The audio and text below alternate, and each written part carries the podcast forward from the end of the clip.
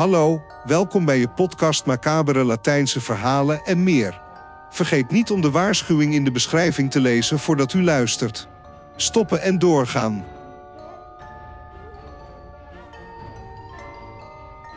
Gedeeld door pseudoniem Kolhoekeloos, streepje. Mijn vrienden en ik hadden een logeerpartijtje om te vieren dat we van school gingen. Dus besloot mijn partner Natalia het feest bij haar thuis te vieren.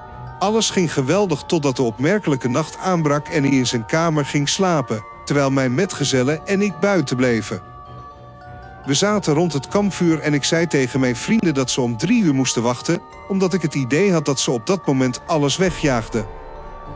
Ze zeiden ja, we wachten en toen het 13.30 uur 30 was besloten we de tent binnen te gaan, terwijl er nog enkele anderen zaten te wachten. Het sloeg twee uur in de ochtend en we besloten naar bed te gaan. Vijf minuten gingen voorbij en er begonnen voetstappen in de winkel te horen, maar we besteden er niet veel aandacht aan. De tijd verstreek en ik vroeg een vriend genaamd Wilder hoe laat het was. Hij vertelde me dat er al 2,45 waren. Hij voegde eraan toe dat hij nog maar 16% batterij over had. Toen vroeg ik Misaal hoeveel batterij hij had en hij vertelde mij hetzelfde. Dat begon mij bang te maken. En toen vroeg ik aan een andere vriend hoeveel hij nog had. 16% Heeft me verteld. En we begonnen allemaal bang te worden. Daarnaast waren er ook voetstappen om ons heen te horen. Eindelijk was het drie uur en hoorde men een busje naast het huis parkeren.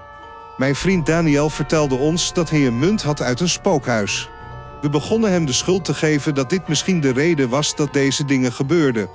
We kalmeerden een beetje en Misaal besloot te gaan slapen. Een paar vrienden en ik konden er niet bij zijn, dus besloten we erop uit te gaan en te kijken wat er aan de hand was. Het lukte me om met een spijker een plank te pakken en we waren rustiger en met enige moeite. Ik kon eindelijk slapen. Er ging een uur voorbij en ik werd wakker en ik weet niet waarom, maar ik hoorde een luide lach en begon het onze vader te bidden terwijl ik zijn voetstappen bleef horen. Eindelijk brak de dageraad aan, maar we wisten nooit echt wat er gebeurde. Hartelijk dank voor het luisteren naar onze verhalen.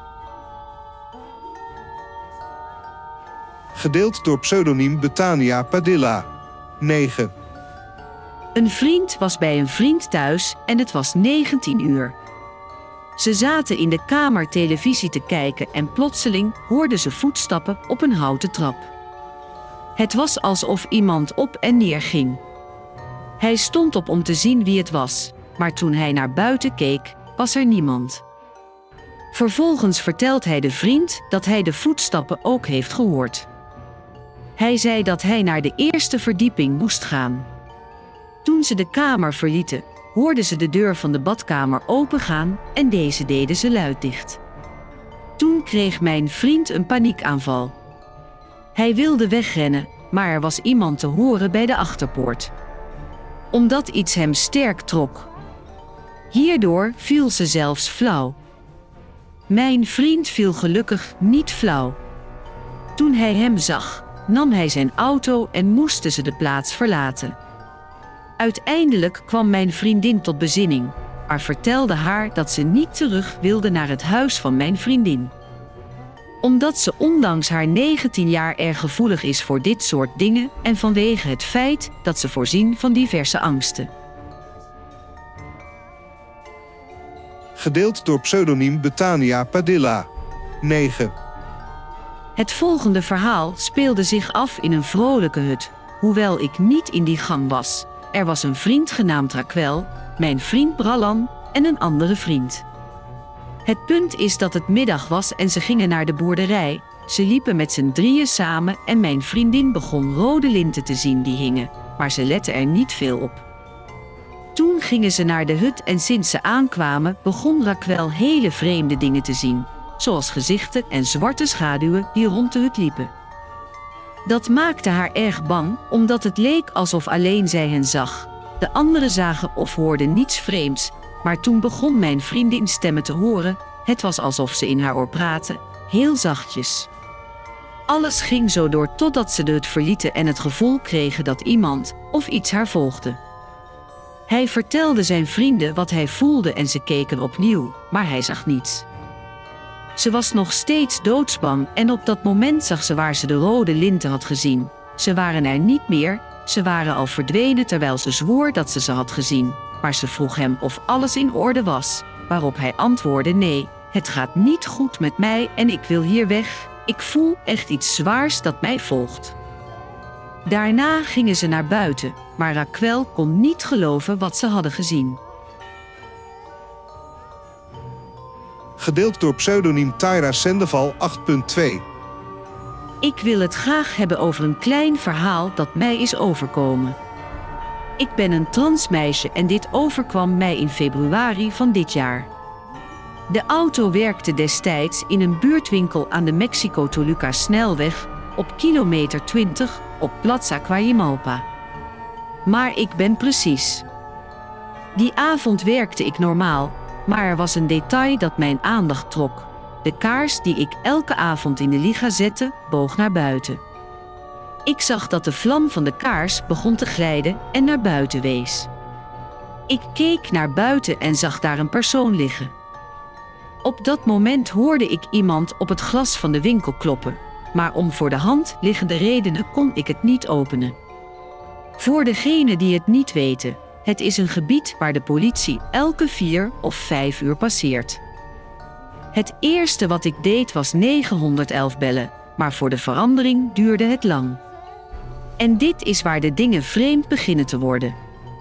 Voordat ik weer belde, merkte ik dat er een man arriveerde, een klant die altijd op dezelfde tijd kwam en die altijd mineraalwater kocht. Ik zag hem zitten zoals altijd. Vroeger deed hij het, leunend tegen het raam terwijl de man nog voor de winkel lag. Wat mij intrigeerde, maar niet angst, was dat toen ik de tafel afruimde, hij zich omdraaide en met zijn hand naar me glimlachte, God zei en aanwees waar het lichaam was. Ik keek nog eens en besefte dat het dezelfde was. Op datzelfde moment ging de deur van de koelkast, waar hij altijd zijn drankje had gedronken, open. Wat ik wel kon doen, was blijven aandringen. Toen ze aankwamen, vroeg 911 me om te vertrekken en ik vertelde het aan de reddingsman. Ze deden wat ze konden, maar zagen dat er geen reactie kwam. Dus toen ze zijn portemonnee onderzochten, vonden ze een kaart met contactnummers. Ze vroegen me om te bellen en binnen een paar minuten brachten de politieagenten een van hun dochters binnen, waarschijnlijk de dichtstbijzijnde. Toen arriveerden de experts en forensische experts en hoewel volgens de regelgeving ik anderen geen toegang kan geven, liet ik zijn dochter even binnenkomen om voor de overledene te bidden. Iets heel geweldigs is dat zij hetzelfde zag als ik.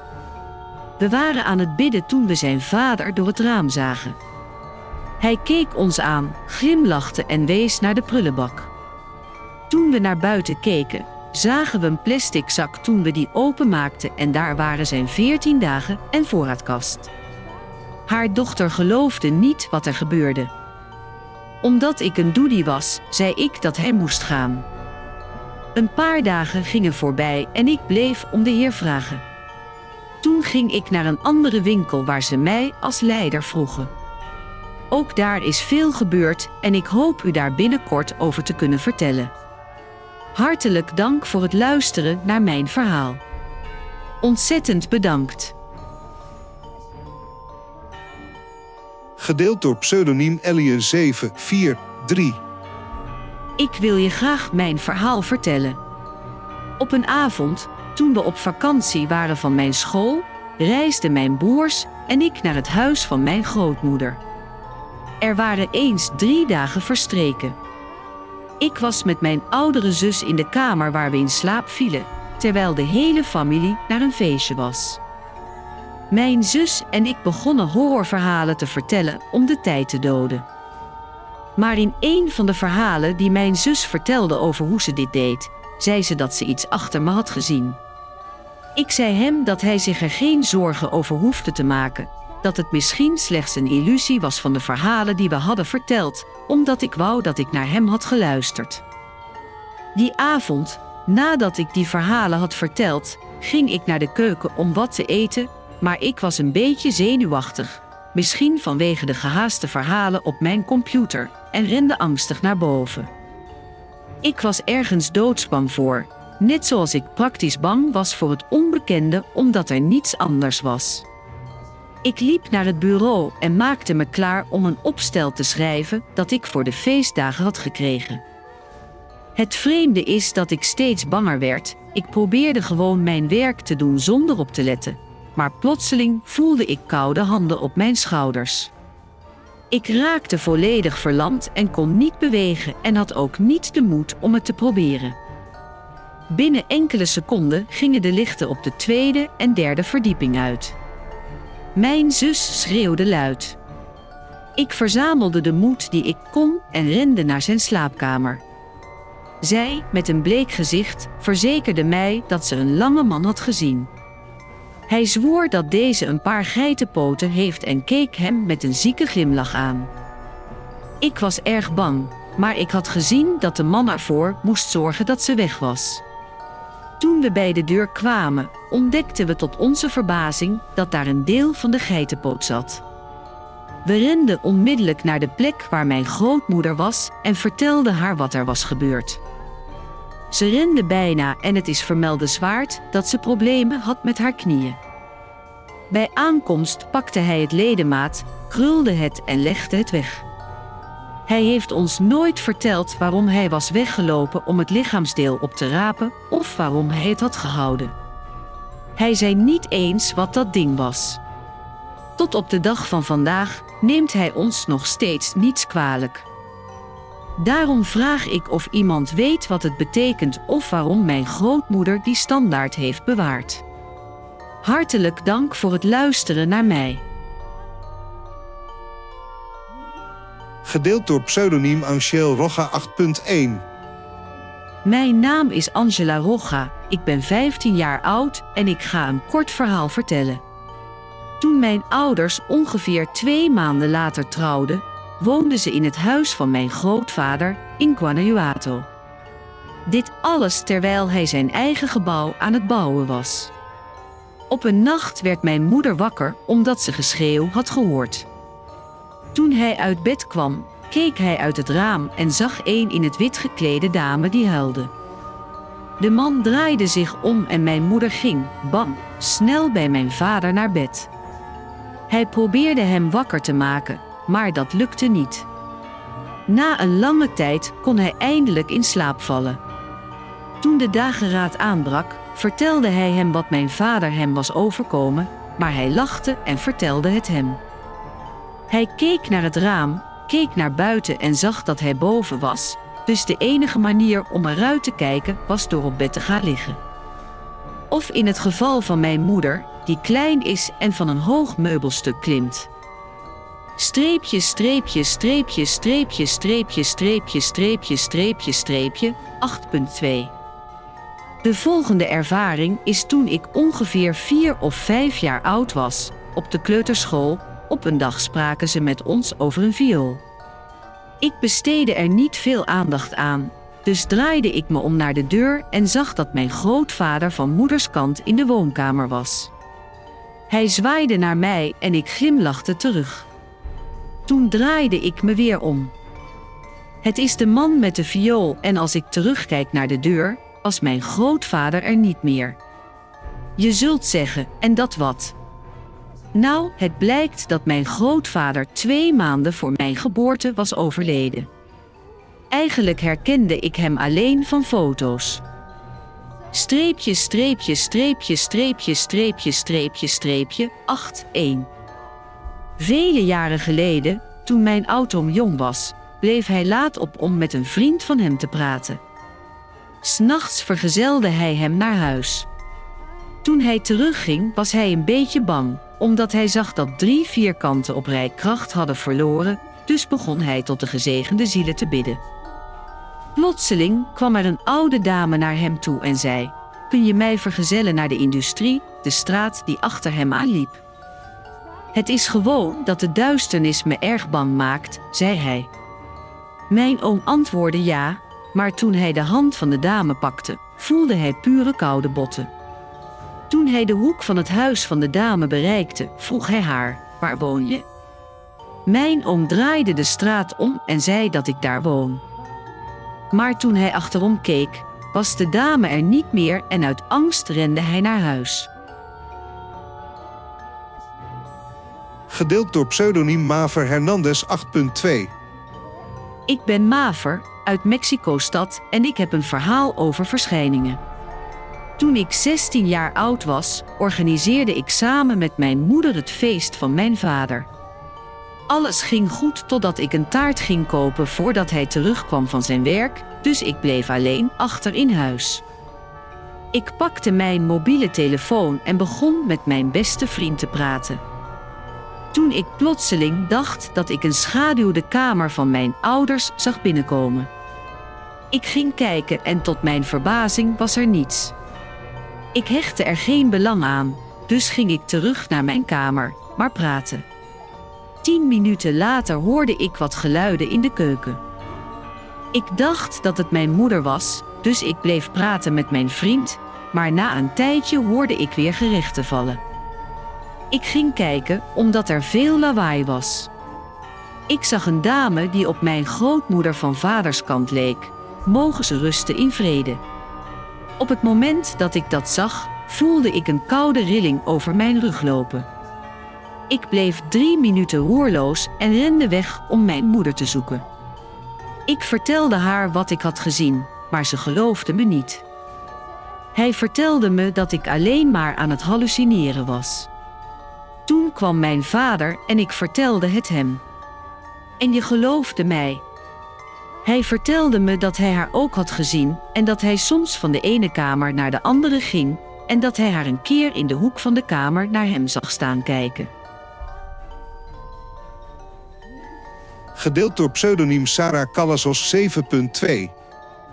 Ik woon in Cali, Colombia en ben 17 jaar oud. Maar voor mijn jonge leeftijd heb ik veel angstaanjagende dingen meegemaakt. Toen ik 10 jaar oud was, woonden mijn ouders, mijn broers en ik bij een vriend van mijn ouders. Er waren drie mensen en we hadden een hele goede vriendschap. Er was een keer dat we op school zaten, toen Fabian en de vriend van mijn moeder arriveerden met een hele grote en mooie spiegel. Een man had hem gekocht. Maar vanaf dat moment werden de dingen raar. Sterker nog, hij nam het geld niet eens aan. Hij stemde ermee in om later te gaan, maar keerde nooit meer terug. Fabian en zijn vrouw kregen een zoon en toen ik op een ochtend opstond om naar de badkamer te gaan, zag ik hem voor de spiegel. Het leek alsof hij met iemand aan het praten was, dus ik werd erg bang en belde hem. Ik vroeg hem met wie hij sprak en hij vertelde het mij met een vriend. Hij antwoordde: Ga uit de spiegel. Ik beweer dat je me erg bang maakt. Ik vertelde het hem. Maar hij antwoordde toen: Nee, kijk, als je wilt, zal ik hem aan je voorstellen. Ik vertelde het aan mijn ouders en ze geloofden me meteen, omdat ze al veel nare dingen hadden meegemaakt. Ze spraken met het echtpaar en vertelden wat er was gebeurd. Ze werden behoorlijk bang toen ze meteen naar de kamer gingen. Ze zeggen dat ze een demon zagen die uit de spiegel probeerde te komen. Waarschijnlijk wilde hij het kind bezitten. Ze begonnen te bidden omdat mijn familie christelijk is en de moeder van het kind bezeten raakte. Klaar met het kapotmaken van alle spullen in huis. Toen ze een release op hem uitvoerden, maakte hij een paar heel vreemde geluiden. Er klonk een heel macabere stem en de dingen in die kamer begonnen vanzelf te ontploffen. De jongen vroeg zijn vriend om zijn moeder alsjeblieft geen pijn te doen, omdat de jongen kon zien hoe dat ding haar verstikte. Dat gebeurde en ze werd in de loop van de tijd beter en nu zijn zij en ik goede vrienden, maar ik heb nog steeds haar herinneringen. Het is niet iets dat je zo gemakkelijk kunt vergeten. Daarom raad ik ouders aan om meer op te letten als ze hun kinderen tegen zichzelf zien praten, omdat het demonen zijn die misbruik maken van hun onschuld en zich voordoen als denkbeeldige vrienden om hun kwaad te doen. Hartelijk dank voor het luisteren naar mijn verhaal. Gedeeld door pseudoniem Ugalde Geims 4. Het was een rustige dag, mijn dagelijkse routine. Ik ging naar school en ze stuurde me een rapport wegens wangedrag. Toen ging ik een tijdje naar voetbal en ze schopte me eruit vanwege mijn slechte gedrag. S'nachts lag hij te slapen. Ik werd wakker van wat geblaf van mijn honden. Ik keek uit mijn raam en zag een rood licht, maar ik hechtte er geen belang aan. Ik denk dat dat een ernstige vergissing was. Een paar minuten later begon ik schaduwen te zien en onmiddellijk nadat ik stemmen hoorde, werd ik zo bang dat ik me onder mijn dekens verstopte. Ongeveer twee uur later kwam er een heel sterk rood licht door mijn raam. Ik ging naar buiten en zag een rood en zwart silhouet dat tegen me fluisterde. Het silhouet stond nog in mijn kamer, maar ik rende zo snel als ik kon naar de kamer van mijn ouders. Ik vertelde hen wat er met mij was gebeurd, maar ze geloofden mij niet. Daar sliep ik rustiger, maar ik begon weer schaduwen te zien die mij dingen toefluisterden, maar ik raakte eraan gewend. Twee jaar later zag ik hetzelfde rode licht opnieuw. Ik werd behoorlijk bang en precies hetzelfde gebeurde. Ik weet niet of dat silhouet hetzelfde is en het zijn mijn hallucinaties. Maar ik bevestig dat deze gebeurtenis 100% waar is. Gedeeld door pseudoniem Susie Mendoza 7.4. Vandaag ga ik je iets vertellen dat mijn dochter is overkomen. Ze woont in een klein stadje genaamd Ortis in de staat Chihuahua op zo'n donderdag om 22.30 uur. Hij praatte met zijn tante, dat wil zeggen mijn zus, de jongste trouwens. Ze stonden buiten op de weg, bovenop de vrachtwagen, toen ze plotseling de honden hoorden aantrekken. Lelijk. Op hetzelfde moment zagen ze voor zich de angst voor de straat, wat leek op een vrouw in het wit, heel helder wit. Zodra de vrouw verscheen, zwegen de honden en staarden haar aan. Mijn dochter zei tegen mijn zus dat ze van dichtbij moest kijken wie ze is. Ze startte de vrachtwagen en ze gingen achter haar aan. Maar toen er nog ongeveer 20 meter te gaan was, ging de vrachtwagen uit en gingen de lichten uit. Hij ging niet meer aan en ze zagen hoe dat ding niet meer liep. Ze zagen dat het zweefde en van de ene kant naar de andere kant sprong de andere. Het was zo beangstigend dat ze begonnen te beven van angst. Ze bleef aandringen totdat ik het contact weer aanzette en zij het in de achteruit zette. Mijn zus zegt dat ze zag hoe dat ding voor haar ogen verdween. Ze kwamen terug, parkeerden waar ze waren en begonnen te praten over wat hen zojuist was overkomen. Toen ze de honden weer hoorden blaffen, draaiden ze zich om en de figuur verscheen weer waar ze waren. Gezien dit kan mijn dochter beter naar huis gaan. Mijn broer stapte in de zijne omdat je zou kunnen zeggen dat hij bij mijn moeder, mijn zus en mijn dochter was. Ik woon een paar huizen verderop. Dit is een ervaring die je nooit zult vergeten.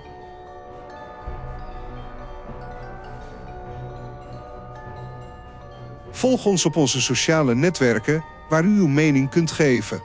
In de beschrijving vindt u de e-mails waarmee u uw verhalen kunt verzenden als u deze wilt delen. Ik waardeer je voorkeur. We horen van je in de volgende aflevering. Macabere Latijnse verhalen en meer.